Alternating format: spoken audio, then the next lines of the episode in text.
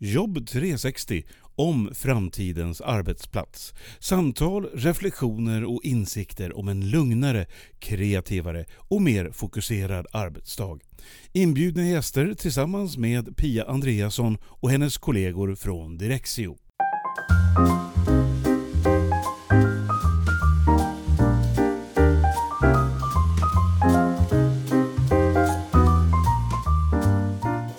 Äntligen har jag fått möjlighet att ha det här mycket intressanta samtalet med Jan Gulliksen.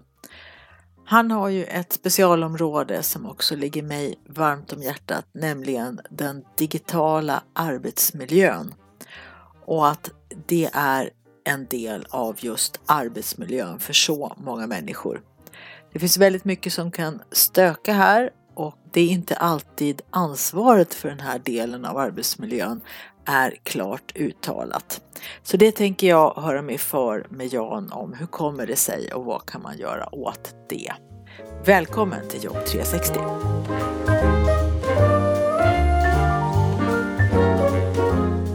Välkommen till podden Jobb 360, Jan Gulliksen. Tack så mycket. Du jobbar ju med det här med arbetsmiljön och specifikt den digitala arbetsmiljön, eller hur? Absolut. Det ja. har blivit en av de områden som har fått väldigt mycket uppmärksamhet nu i det senaste. Så det är lite kul att ge sig in och titta på det digitala utifrån arbetsmiljöperspektivet tycker jag. Ja, du är lite extra upptagen nu då, för alla vill höra sig för med dig. Hur ska man göra för att få ihop det? Ja, nej men visst är det väl lite grann så. Jag tror att det finns mycket dold frustration där ute av alla som har suttit hemma i tron av att man skulle göra det några månader och så blir det längre och längre och längre hela tiden liksom i detta. Så att man, man undrar väl hur man ska hantera det där och, och sen undrar jag ju hur hanterar man sen när man ska gå tillbaka då? Kommer man sitta kvar hemma fortsatt eller kommer man då återgå till hur det var som det var innan pandemin till exempel i detta eller har vi lärt oss något, någonting nu? Ja, den frågan går väl alla att grunna på här i april 2021 när vi spelar in det här. Jag tänkte en tredjedel av arbetstagarna nästan i Sverige, det är ju i stort sett alla som jobbar på kontor, har ju det senaste året fått lära sig då hur det är att jobba någon annanstans än på kontoret på den här fysiska adressen och kanske vid det egna skrivbordet. Det har ju konstaterats att de digitala förutsättningarna hade vi ju. Uppkopplingar och programvaror och så, så det funkade ju rätt bra. Men någonting som du och dina kollegor tar upp i den här boken, Digitaliseringen och arbetsmiljön, som jag tycker alla borde läsa, verkligen. Mm. Där skriver du det här med gränslösheten, alltså när vi har de här digitala möjligheterna så blir ju gränsen mellan arbete och fritid suddigare. Förut kunde ju mejl komma på kvällar och helger och man hade jobbtelefonen på sig alltid, så var det ju. Men nu har ju gränserna suddat ut ännu mer när vi också sitter och jobbar hemma. Mm. Hur tror du att det kommer att påverka framtiden för de som jobbar på kontor? Alltså jag tror att nyckelord inför framtiden är väl flexibilitet. Alltså det att du kan välja hur pass mycket du vill integrera arbete och fritid med vartannat och hur pass mycket du väljer att sitta med laptopen i knät framför tvn på kvällen eller svara på e-post på helgen och sådana saker. Jag tycker det är jätteviktigt att man eh, kan till exempel säga att nej men jag hanterar bara eh, datorrelaterad e-post och möten mellan eh, 8.30 och 16 eller vad det är man har för arbetstider som man har kommit överens om då och sen inte läser någonting i övrigt. Men samtidigt så när man då ibland stöter på chefer som säger att ja, men vår policy säger att du får inte skicka ett mejl på kvällen Eh, eller sådär. Eh, eller till och med att du har eh, en funktion som gör att om du nu gör ett mejl på kvällen så, så kommer det till medarbetarens brevlåda eller till den du kommunicerar med brevlåda först klockan åtta morgonen därpå. Det blir lite fånigt om man ehm, håller på på det sättet. Och jag kan tycka särskilt i, i mitt jobb också som har mycket interaktion med hela världen och på så sätt jobbar i väldigt olika tidszoner så blir det helt omöjligt att hantera det på det sättet. Så mejl kan dyka upp lite, lite när som och det är upp till mig att sätta gränserna för mitt arbete när jag arbetar och inte tycker jag. Och så ska vi stötta alla medarbetare i att kunna sätta de gränserna på ett bra sätt så att eh, man inte börjar må dåligt över situationen eller eh, går in i väggen eller bränner ut sig eller vad det är man kan riskera att göra. Du pratar här med och lite om kommunikationspolicy. Det hade jag också tänkt komma in på. Sen det här att man själv måste hålla koll på att det inte blir för mycket och att man inte jobbar gränslöst. Det låter som att det kommer från två håll. Dels måste arbetsgivaren och de olika organisationerna och företagen ha ett tänk kring det här med hur man kommunicerar och vad som förväntas. Och sen behöver man själv också tänka till kring det. Jag tänkte börja med det här med kommunikationspolicies. Jag har ju med den frågan i mina kursupplägg. Jag har ju tre kursdagar, halvdagar då med en månad mellan varje. Och på kursdag tre pratar vi väldigt mycket om just det här med kommunikation och även tillgänglighet kollegor emellan. Och eh, då får man ha gruppsamtal om det och det som ofta kommer upp är just att det är en brist på en sån här policy. Någon tycker sig ha hört att det var på det här viset och någon annan säger nej det kände inte jag till och hur ska vi göra i vår lilla grupp och vad gäller på avdelningen eller förvaltningen och så vidare. Och nu har vi hamnat i ett nytt läge igen där det kommer ännu fler parametrar kring det här med tillgänglighet. Det här att sitta i möten hela dagarna, när ska man jobba då och så vidare och när ska det gå att få tag på en om man sitter i de här mötena. Vad tycker du att företag och organisationer behöver tänka på framåt här när man ska utforma sådana här riktlinjer då som medarbetarna kan stödja sig på? Policy i all ära så tycker jag ju att eh, det viktigaste sättet att sköta just det du är inne på, det handlar ju om ledarskap. Det handlar ju om hur man beter sig som ledare, vad man sänder för signaler och vad man säger uttryckligen att det är okej. Okay. Jag menar, om det är som så att en medarbetare vill förlägga sin arbetstid på annan tid och kan komma överens med det med sin chef att det är lämpligt att göra så ska man väl kunna göra det på det sättet. Givetvis så måste man ju som chef säkerställa att ens medarbetare mår bra och tar de ledigheter man behöver och, och andra sådana här saker. Men vi har ju idag fått ett speciellt mötesklimat tycker jag, där allas kalendrar ser ut att vara uppbokade från 8 till 17 i Zoom eller Skype eller Teams-möten eh, hela tiden. Så att telefonen har ju gått och blivit ett obrukbart medium nu idag. Det går ju inte att nå någon på telefon. Ringer du till någon så trycker folk bort dig hela tiden för att man sitter i möten. Man sitter i möten hela tiden.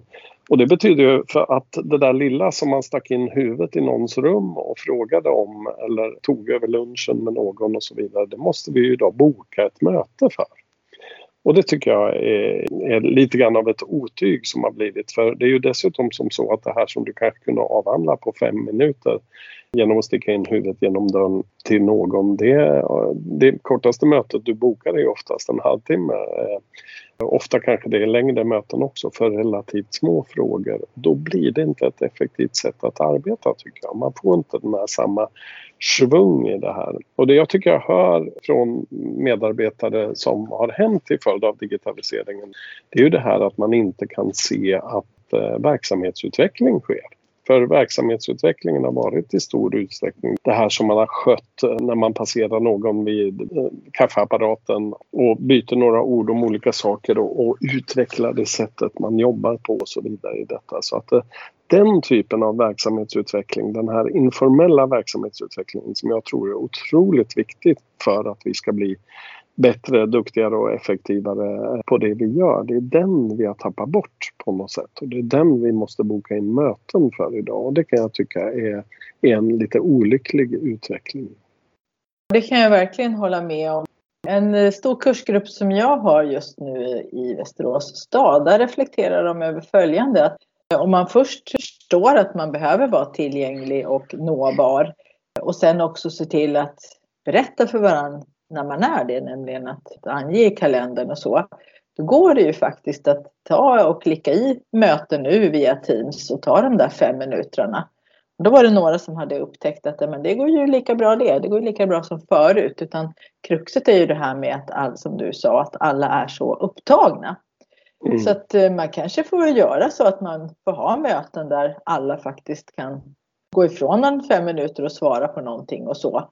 Alternativt att man har vissa timmar i sin kalender varje dag då man inte är bokningsbar. Och skulle det vara någon som vill boka ett möte får man säga ja, fast jag kommer ha min kalender öppen. Så det kan hända att någon annan sticker in huvudet och ställer en fråga när vi sitter och pratar. Är det okej okay med dig? I så fall kan vi ta mötet. Eh, att man kanske får en, en sån policy. Och jag tyckte det var roligt att de började utveckla den tanken just med hur pass tillgänglig behöver jag vara och vad, vad innebär det att vara tillgänglig? Mm. Jag tänker på en, en, bara en, spontant en, en, reflektion på någonting som jag var med om för ett antal år sedan. När jag jobbade på Uppsala universitet så var det som så att man bestämde sig för att eh, lägga ner det lokala biblioteket på den eh, avdelning jag arbetade på. Det lokala biblioteket upptog ett, ett helt våningsplan i det mest centrala huset som man hade. Eh, när man då la ner det här biblioteket så bestämde man sig för att eh, vi gör om det biblioteket till ett gigantiskt stort fikarum. Och så ser vi till att ha riktigt bra fika där inne. Och så säger vi det att klockan 10 och klockan 3 varje dag så eh, finns det färskt nybryggt kaffe för, för alla möjliga. Helt plötsligt så blev ju det här ett rum dit verkligen alla kom och så hittade man, ja men du jag behöver stämma av den här grejen kort och så hade man de här tvåpartssamtalen med olika personer och kunde helt plötsligt lösa massvis av frågor när man mötte varandra på det, det, här sättet. Och också på ett sätt som inte kändes störande eller, eller intrusivt att man sticker in huvudet i dörren på någon som har en halvstängd dörr och så vidare. Utan man faktiskt kunde gå in och mötas i varandra. Om man tänker att man skulle kunna överföra den idén till ett digitalt forum där det liksom blev som en enorm plats där man kan gå fram till någon och säga dig behöver jag byta två ord med och så kliver man in i ett breakout room och tar saker och ting på en eller två minuter i det där och går tillbaka. Den typen av idéer tror jag det kommer komma mer och mer av i takt med att vi blir mer och mer digitalt eh, verksamma även nu efter pandemin där jag tror att många kommer fortsätta att jobba jobba digitalt ifrån. Så jag tror att det kommer komma den här typen av nya digitala mötesformer eh, som kanske använder sig av befintliga redskap men som kanske också hittar på helt nya redskap. Det hoppas jag också verkligen. Det finns ju en sån typ av redskap som jag har varit i när jag var på ett webbinar och på rasterna där så vart vi inbjudna till att mingla. Man vart spontant indelad i grupper och sen så kunde man poppa in, gå ur sin grupp och poppa in i en annan grupp och säga hej det här är jag. Mm. Då skulle man ju kunna tänka sig den saken som du beskriver då att man är enskilda personer och det syns vilka som är i det här rummet. Mm. Och jag kan tänka mig att det skulle bli en väldigt trevlig form av tillgänglighet för det som mina kursdeltagare säger mycket att ja, jag mejlar ju då till någon och ställer en fråga men det kan bli lite stelt och formellt och ibland så blir det väldigt mycket som man behöver säga och det funkar ju inte att säga saker i ett mejl på det sättet. Nej. Så att just de som uppskattar att kunna klicka in ett eh, möte nu i Teams skulle tycka att det här vore kanon för då skulle man kunna kika ner i den ytan och se Jan är den på golvet. Ja det är han. Ja men då kan jag bara också kliva in och säga du Jan, har du fem minuter? Mm. Mm. Och, och, jag tror att det precis som du, att det kommer att vara ett stort behov av det. Och framförallt kanske man jobbar med människor som, som man kanske väldigt, väldigt sällan träffar fysiskt. Jag tror det kommer att bli mer och mer så att om jag jobbar i Stockholm så kommer jag ha kollegor som sitter både i Skövde och Umeå och Malmö. Mm, eh, och visst. vissa stora teknikkonsulter har ju det redan så. De har ju två miljökonsulter i Sundsvall och så har de tio stycken i Stockholm och fyra i Malmö och så vidare. Och de där får träffas en gång per år och få två timmar i ett konferensrum ungefär mm. bakåt i tiden. Nu skulle de kunna ha ett eget sån yta där man kliver mm. in när man är tillgänglig och man kollegor sinsemellan kan fråga varandra saker. Och då, då tror jag man skulle få väldigt mycket utveckling för då får ju Stockholmspersonerna hela tiden möjlighet att ta del av Sundsvallspersonernas intryck och så, inte, inte bara en gång per år som det var förut. Mm. Intressanta framtidsspaningar här. Jag hoppas att det är någon teknikintresserad som lyssnar och gör ett sånt här program som också är säkert förstås. Man vill ju inte att vem som helst ska kunna kliva in. Det är väl där problemen ligger mycket idag, särskilt på offentlig sektor då, som jag jobbar mycket med. Eh, Förmodligen finns väl redan alla de här idéerna som vi spånar om här nu redan där ute. Det handlar bara om att eh, lära oss att använda redskapen vi har. För det finns ju jättemycket funktioner i, i våra digitala mötesredskap som vi inte har lärt oss hantera helt enkelt för att kunna göra den här typen av saker. Men sen tror jag också att det, lika mycket som det handlar om redskapet så handlar det om ledarskapet också. Vi måste börja prata digitalt ledarskap och hur du leder ett digitalt möte eller ännu värre hur du leder ett hybridmöte när några är med i det digitala forumet och några sitter i rummet. Så att man skapar liksom mer en jämbördig diskussion i, i, där alla parter får lika mycket tid att uh, dryfta sina frågor och så vidare i det hela. Där, där behövs det utvecklas en hel del tror jag. Det, den utmaningen kommer ju att komma i framtiden för att det kommer ju vara svårt att få alla till kontoret en viss dag. Även om man tycker att det skulle vara en finess att ha hela gruppen på avdelningen på plats så kommer det alltid vara några som ja, kanske vabbar eller som inte vill resa den vägen. Det kanske är snöstorm eller något i den stilen. Mm. Så att, att alltid ha en eller flera deltagare som är med digitalt, det tror jag kommer att bli den nya verkligheten för, för de flesta. Och jag kan berätta för dig, du säger att vi kan inte alla finesser i våra mötesverktyg. Jag kan berätta att alla kan inte allting i de helt vanliga kontorsredskapen heller som jag utbildar i. Utan det är, där kan jag tillföra ungefär en overload på en 600-700 procent mot vad man kunde innan. Och ja. Eh, allting är ju väldigt användbart förstås och eh, går, går ut på att man ska hantera vardagen. Vilket ja, vi alla gör varje dag. Om jag bara får flika in en, en kommentar till det där. Alltså det, det är ju en sak att vi inte kan våra verktyg fullt ut. Men det som är än värre i det där tycker jag, det är att eh, vi har inte förstått att vi inte kan.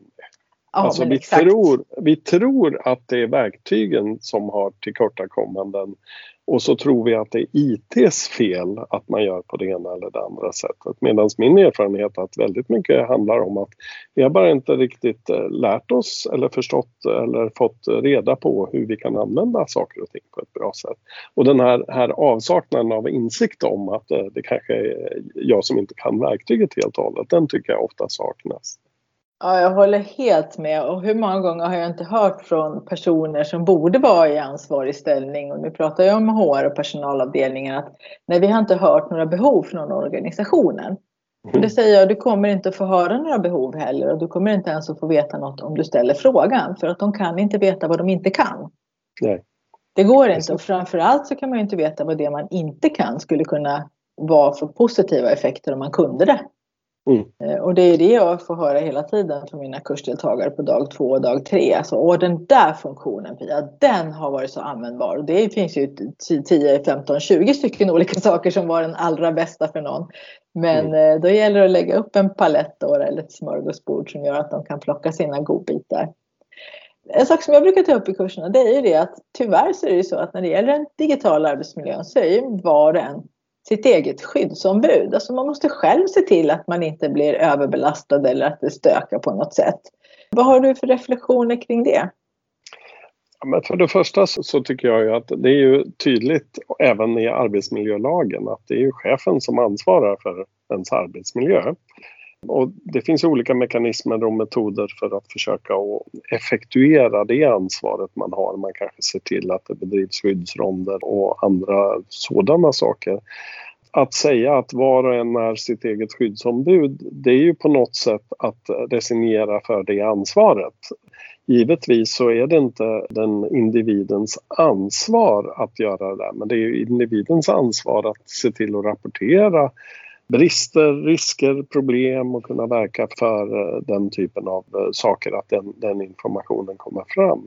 Men jag tycker lika mycket så är det ju som så att de som är chefer idag måste ju förstå att man har ett arbetsmiljöansvar, att det är tydligt i ens arbetsordning hur arbetsmiljöansvaret är delegerat, alltså vilken chef är det som har eh, ansvar på vilken nivå.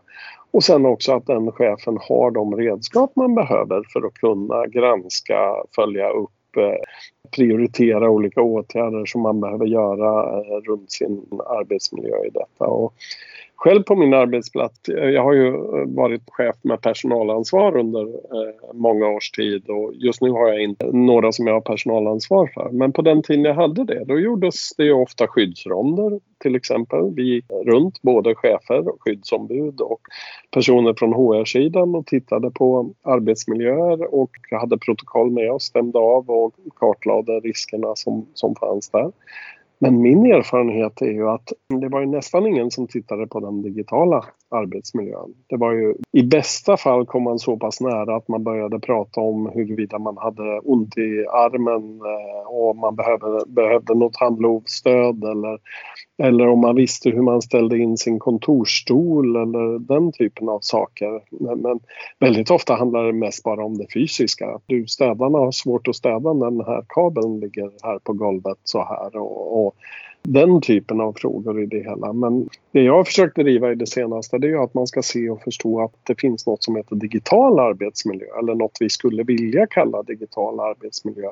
Och att arbetsmiljölagen ju är fullt ut eh, gäller även den typen av saker. Det står i arbetsmiljölagen att eh, man ska förse medarbetarna med en arbetsmiljö som är utvecklande och man ska ha en chans att kunna påverka utformningen av det. Och, och, och i Arbetsmiljöverkets föreskrifter så står det att starkt styrt och bundet arbete normalt sett inte ska förekomma till exempel. Vilket jag tycker att väldigt många upplever just till följd av att det är de digitala verktygen som man upplever har tvingat in en i den här situationen.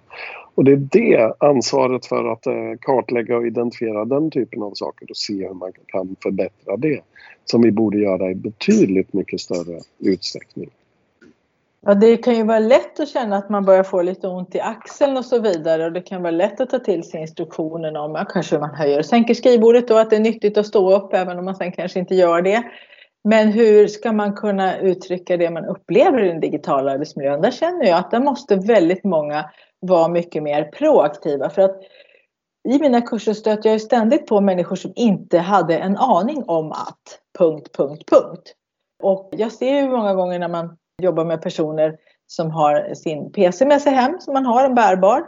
Och jag ser att de har en väldigt, eh, vad ska man säga, en, en väldigt, väldigt liten text på skärmen. Alltså. Och då tänker jag, känner de här människorna ens till att du kan ändra, du kan zooma storleken på skärmen från 100 ända kanske upp till 175 procent så att det blir bättre för dina ögon. Mm. Och jag känner ju till det så jag växlar ju hela tiden mellan det med att koppla upp datorn till en större skärm. Då funkar det bra med 125. När jag går ner och jobbar bara på den bärbara då tar jag 150 eller kanske till och med 175 för att få det läsbart och bra för mina ögon. Men jag har tänkt på det när jag ser de där som har jättepytte text på skärmen. Vet de ens om det? Är det någon som ens har visat dem den inställningen? Och jag tror inte det, för då tror jag inte att de skulle sitta där och kisa som jag sett att de gör. Tyvärr, det är någonting som jag inte riktigt hinner gå in på, alla de här grundinställningarna som man kan göra. Det jag gör är att jag lär dem att stänga av alla viseringar till att börja med. Och mm. även där så skulle jag säga att hälften hade ingen aning om att man kunde stänga av aviseringar. Mm. Eh, och några tar tillbaka den till och med fastän jag berättar hur dåligt det är för hjärnan. Jag antyder det lite fint. Men, men några, nej men jag måste ha den för annars så känner jag inte att jag har koll. Och, och mm. det är precis tvärtom.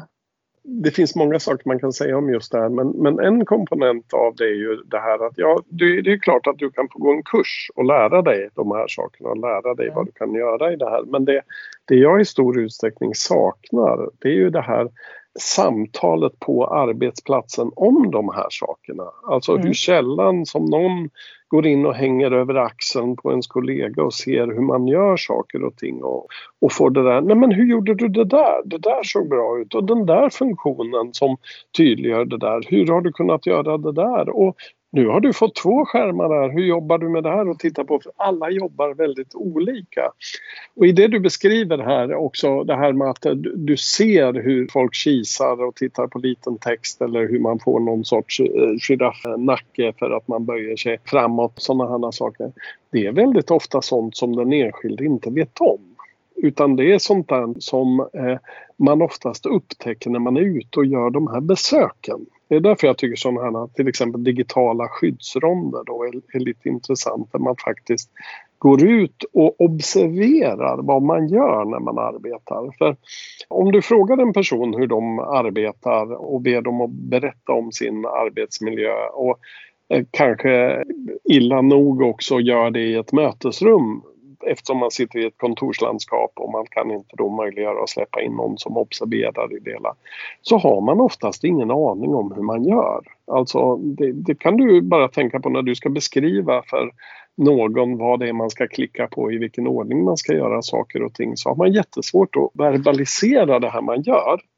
Däremot så är ju det här någon sorts tyst kunskap som man har då, eller någon inbyggd kunskap som eh, det funkar ju väldigt enkelt att göra det här själv och därför så behöver man observera varandra i större utsträckning. Och det är därför jag har argumenterat för att vi borde ha digitala skyddsronder då där vi är ute och tittar på hur det ser ut när folk arbetar. Där de visar, demonstrerar hur man gör. Och för mig är det väldigt ofta så att de allvarligaste sakerna som, man, som kommer ut ur ett sånt besök det är oftast inte det som medarbetaren säger är problemet utan det är det som jag kan se, observera och tolka och förstå att det är problemet när jag betraktar som en utomstående den här arbetsplatsen. Då. En komplikation i det här dock, det är ju det där att eh, om du ska titta på den fysiska arbetsmiljön eller det som man gör i en klassisk skyddsrond så kan ju du få en utbildning, eh, ofta sån som facket arrangerar i då, vad det är som förväntas av att du ska kartlägga när du gör en skyddsrond. Eh, men när det handlar om att titta på det digitala så det är så otroligt komplext. Så det klarar du ju liksom inte av att utbilda på kort tid och digitala skyddsombud som ska göra det här. Så därför har ju vi när vi då implementerar det här med, med digitala arbetsmiljöronder så har vi ju försökt ha ett team som går ut och tittar där det finns någon från IT-sidan som kan se om det de beskriver att det är ett problem faktiskt är ett IT-relaterat problem eller om det är ett annat problem i detta där personer som kanske har mer arbetsmiljöperspektivet kan se och observera de sakerna och där chef eh, i verksamheten faktiskt också kan eh, se att det här kanske faktiskt handlar om ett organisatoriskt problem. Det här kanske handlar om att du inte har rätt behörigheter till den information som du behöver ha eller du, du kanske eh, inte har en optimal struktur på arbetsflödet och vilka du ska samarbeta med när du fattar det här. Så i något perspektiv tycker jag att sådana digitala skyddsronder ger en möjlighet att få en helhetsbild som man oftast inte får då när man bara tittar på ett enskilt program eller en, en enskild eh, företeelse som man vill försöka titta på. Det skulle jag vilja se mer av. Ja, programmen som sådana behöver det inte vara något fel på egentligen utan det är ju ofta hur de interagerar med varandra. Jag tror att det var Hanne Kjöller från DN som har börjat jobba som sjuksköterska nu som beskrev hur hon på akuten då måste logga in i flera olika system för att ange vad hon har gjort med en patient och det tar längre mm. tid det än att göra själva åtgärden. Och jag har ett exempel, jag känner en person som är sjuksköterska och hon var väldigt, väldigt arg på det nya systemet som de hade för att hon sa förut hade jag alla uppgifter i en perm framför mm. mig på expeditionen och där kunde jag enkelt slå upp och titta efter. Och nu måste jag gå in på flera olika ställen då för att fylla i olika saker som. Jag tänkte mm. att det var ju typiskt IT problem för att jag vet ju att det går att bygga en front framför fem olika program som gör att du kan fylla i fem olika rutor på någon typ av patientkort där. Så brakar det in bakom kulisserna där på rätt ställe då där man sedan mäter av detta. Konsekvensen för henne då i och med att det inte var riggat någon bra arbetsmiljö för henne digitalt att hon tyckte att papper var bättre. Och mm. kunde då inte tänka så långt som att ja, men om vi gör så här så kan ju jag få hjälp av kollegor i hela landet i princip, eller i alla fall i samma region är det väl i mm. nuläget, som kan hjälpa mig att bedöma detta och, och kolla saker och så vidare. Och läkaren kan sitta i en stad och jag sitter i en annan stad och vi kan ha kommunikation då kring det som tidigare stod på ett papper inne på sköterskeexpeditionen som jag skulle förmedla mm. muntligt då. Och just det här att det var en dåligt designad miljö hindrade ju henne från att upptäcka fördelarna. Mm. Jo, alltså det kan man ju säga i någon bemärkelse men eh, om jag bara får tillåta mig att ta ditt exempel lite vidare så är det ju som så här att det, den här permen inne på sköterskeexpeditionen som, som ju var sånt otroligt värdefullt redskap för dem den är ju jättebra men vilken enorm säkerhetsrisk då. Vem som helst kan gå in och bläddra i och titta på den och det kan du ju styra upp på ett annat sätt när du har den i ett digitalt eh, hjälpmedel på det sättet. Det kan dessutom vara som så att när du har bråttom tillbaka och ska kolla i den här permen så kanske någon annan har tagit med permen till en annan patients rum och tittar på saker och ting där så att information är inte tillgänglig och det kan man också väldigt enkelt lösa i de här digitala redskapen.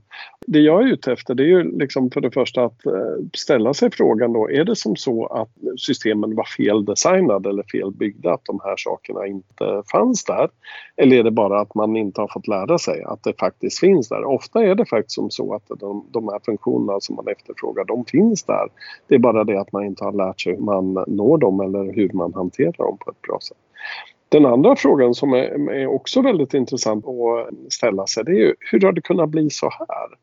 Därför att någonstans har man ju jobbat på att samla in kraven på de här nya systemen man ska göra med omfattande studier där ofta också arbetstagarna har fått vara med i och, och modellera fram och titta på hur de framtida systemen skulle se ut. Så det man har fått det är en effekt av någonting man har beställt. Och då kan man ju fundera över, har vi haft rätt beställarkompetens här? Har vi haft beställare av de här systemen som faktiskt har kunnat förstå hur verksamheten i framtiden skulle te sig och se ut så att man har beställt rätt system i detta eller rätt funktionalitet i detta eller är det så att systemen de facto är felkonstruerade? Att man beställde någonting men man fick någonting annat?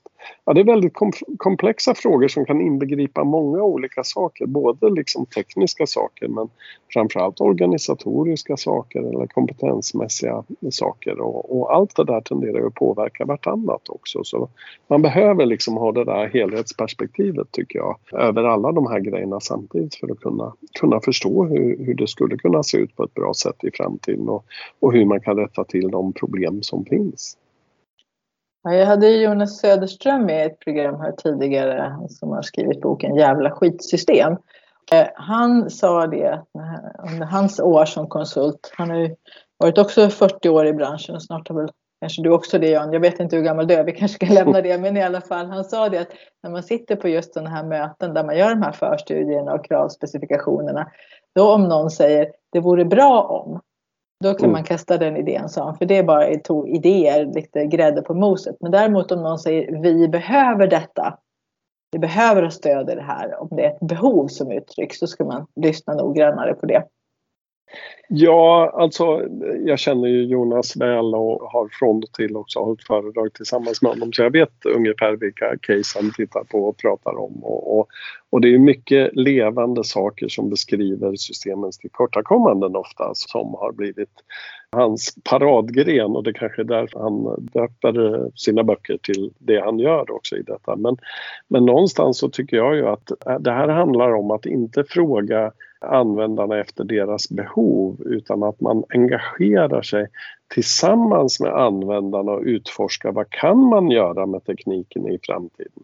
Och inte lyssna på användarnas behov eller användarnas krav utan att faktiskt försöka analysera och förstå den här situationen och sen dra slutsatser av vad är det som eh, det verkar som det behövs här och sen presentera det i något väldigt konkret. Man kan till exempel bygga prototyper av framtida system och, och, som man faktiskt till och med då kan leka runt med även om det är pappersskisser att här skulle jag klicka så här och här skulle jag göra det här.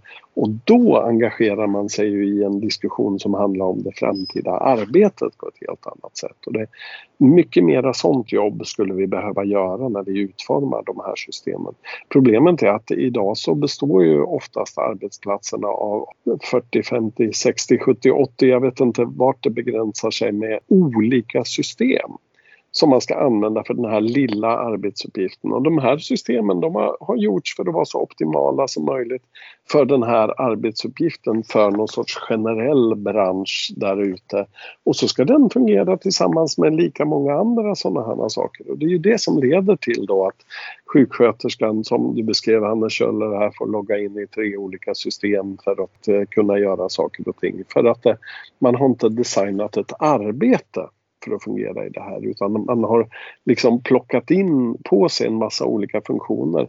Helt enkelt för att man är tvungen att göra på det sättet. Därför det går inte att göra unika system för varje arbetsuppgift utan man måste hitta de här generella verktygen som man kan använda på ett eh, bättre sätt. Och det är då jag tror mycket på det här att kan vi då göra den här typen av inspektioner av folks arbetsplatser utifrån det digitala verktygets perspektiv och hur det används i verksamheten. Och kunna identifiera då att ja, handlar det här om att här behöver vi eh, sätta in en kompetensutvecklingsinsats eller här behöver vi ta fram nya systemanpassningar eller här behöver vi låsa upp vissa funktioner i, i systemet eller här behöver vi förändra sättet vi har organiserat vårt arbete på och kunna liksom väga de här åtgärderna emot varandra och sen systematiskt då jobba sig igenom de här sakerna med någon sorts stadiga förbättringar så skulle vi kunna spara enormt mycket i verksamheten. Ja, det låter ju hoppfullt för att det här är ju fullt görbart det som du beskriver, verkligen. Och jag tänkte vi pratar här med, med kunskap och kompetensutveckling och det är min gren och eh, jag har ju också en annan käpphäst att det behövs inte mycket kunskap alltid för att det ska lossna och för att man ska komma vidare i sitt tänk. Jag har ju en sekvens i mitt kursupplägg där jag lär medarbetarna OneNote som är en digital anteckningsbok. Och jag tycker att det är bra om de kan släppa papper och penna och istället anteckna digitalt och ha det med sig överallt och så vidare. Och då på kursdag två så hade jag ett par killar som jobbar som fastighetsförvaltare. Och de satt eh, kvar efter kursen och ville berätta något för mig och fråga lite frågor. Och då visade det sig att de hade tagit till sig det här helt och hållet. Så att de hade ju märkt att man kunde ha sin OneNote-bok i mobilen. Så när de var ute nu på platsbesök på någon skola då var ju de runtguidade då av den som var ansvarig på plats och den pekar ju på tre, fyra, fem olika saker eller fler som behövde åtgärdas och så vidare. Förut hade de haft papper och penna med sig och försökt skriva upp och komma ihåg och kanske tagit någon bild med mobilen. Men eh, nu sa de, nu tar jag upp en OneNote-sida och så pratar jag in det som jag ser och eh, det som den andra personen säger i en ljudfil. Och sen så tar jag foton och sen när jag kommer tillbaka till kontoret då sätter jag mig och lyssnar igenom det här och tittar på fotona och då har jag superbra koll på vad det var vi såg. Annars förr i tiden så glömde jag hälften sa de. Mm. Och det var svårt att tyda mina anteckningar för jag kanske stod och skrev liksom med handen i luften och blocket eller så här. De hade själva klurat ut hur de skulle använda det här redskapet då på bästa sätt. Just för att jag hade beskrivit de här grundfunktionerna just den här saken som de redan hade. Och det var ju där du var inne på i början att, att man vill att människor ska prata med varandra. Det var ju det som de här två killarna hade gjort. Det var ju därför jag kom ihåg det nu när du berättade det. Mm. Att de hade pratat om det här som jag berättade för dem och tagit det vidare in i sin värld. Mm. Men det finns en viktig aspekt i det du säger och det är just då kopplat till kompetensutveckling. Är att det viktigaste vi lär oss tror jag i all kompetensutveckling det är att vi lär oss att lära.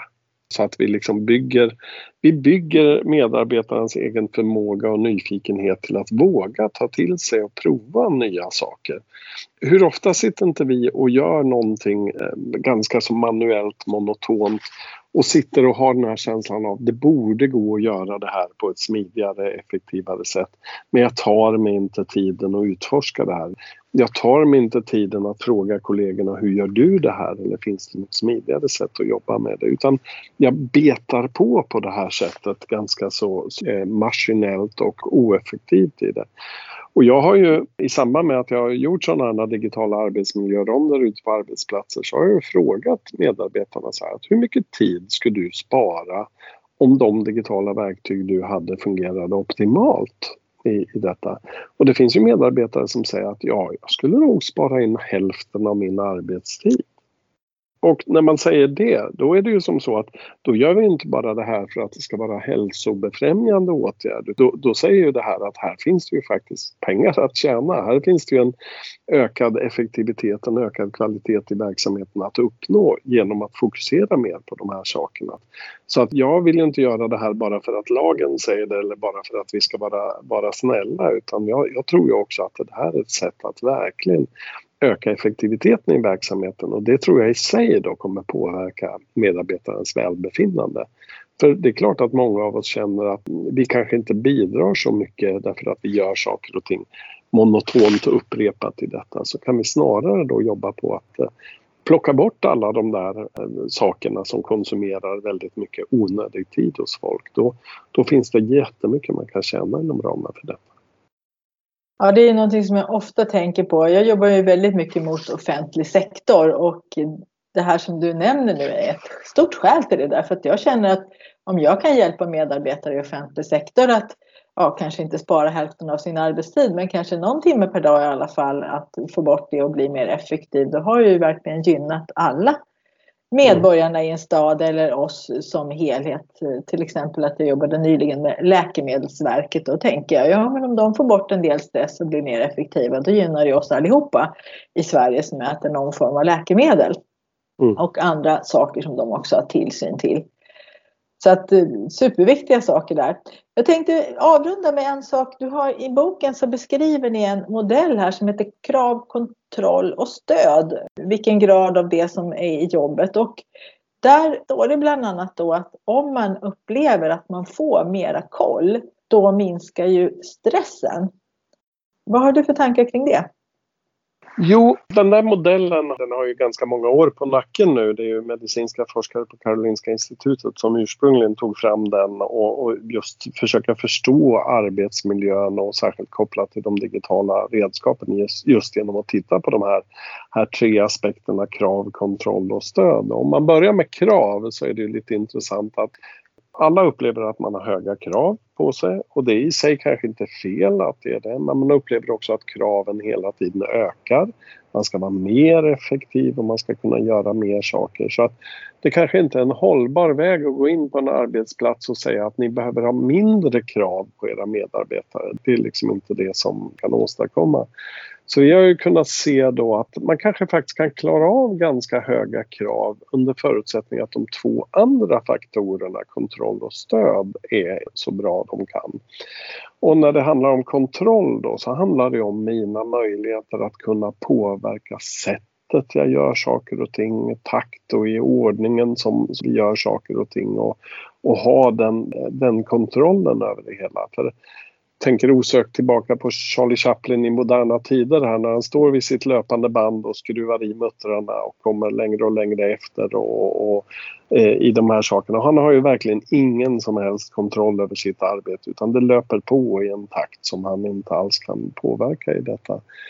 De digitala redskapen är otroligt viktiga här att skapa den här kontrollen väldigt ofta så byggs ju systemen i någon sorts tro och anda av att om vi bara vägleder användarna genom saker och ting i en snitslad bana och skapar väldigt kontrollerande miljöer då tappar ju användaren sin kontroll över hur man lägger upp sitt arbete och planerar det på ett bra sätt. Så om man snarare då skapar den där flexibiliteten och så bygger man så att säga användarnas förmåga att kontrollera vilket ju också ligger i att vi bygger användarnas eh, möjlighet att kunna lära sig saker och ting med det här.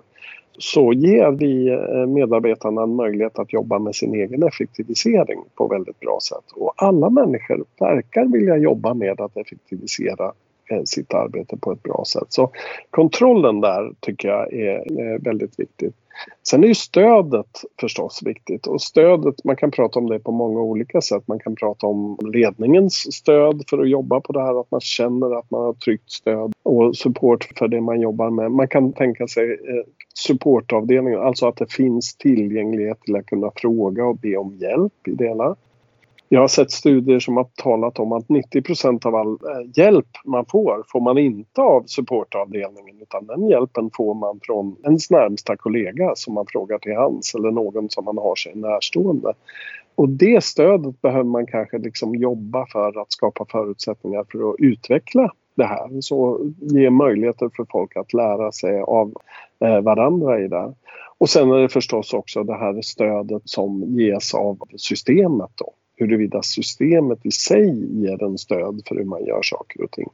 För huruvida systemet liksom visar på vilka olika flexibla lösningar man kan ha, ger vägledning, svarar på de frågor man behöver ha i det hela. Så att eh, kan man jobba med att få upp eh, så att man har bra stöd från ledningen, från systemet, från organisationen och kan man jobba på att användarens kontroll över sin arbetssituation eh, blir så bra den bara kan då kan man till och med klara av att kraven är höga och ökande i detta. Det blir liksom ett fungerande hållbart system i det.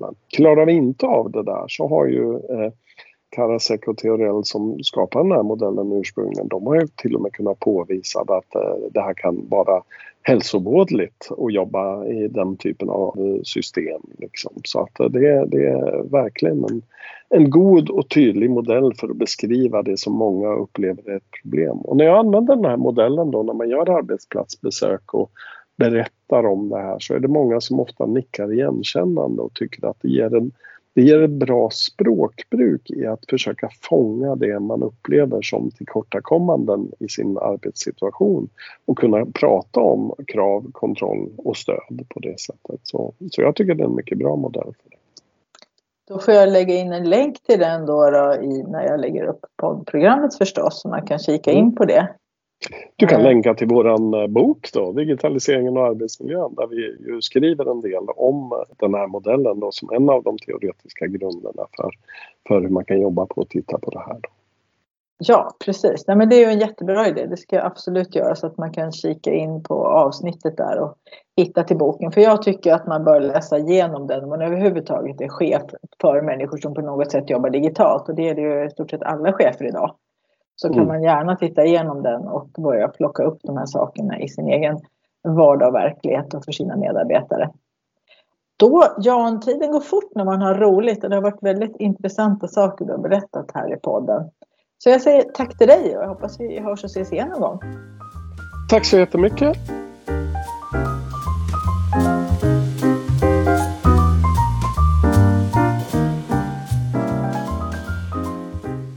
Att arbetsmiljölagen gäller fullt ut även för den digitala arbetsplatsen är nog känt av ganska många. Men frågan är ju hur det faktumet tillämpas ute i verkligheten. Hur många HR-avdelningar har koll på medarbetarnas digitala arbetsmiljö och var ligger ansvaret för kompetensen inom det här området? Det är en fråga som jag själv har ställt mig i många år för jag märker att det här ansvaret ligger och snurrar någonstans mellan HR, IT och respektive verksamhetschef. Där finns ett kraftfält där den här frågan ligger och svävar och det är inte alltid så vanligt att man plockar ner den och gör någonting åt det. Så hur ser det ut på din arbetsplats? Vem har ansvaret för den digitala arbetsmiljön och hur tillämpar man det ansvaret ute i verkligheten? hos dig och hos dina kollegor. Tack för att du lyssnar på Jobb 360.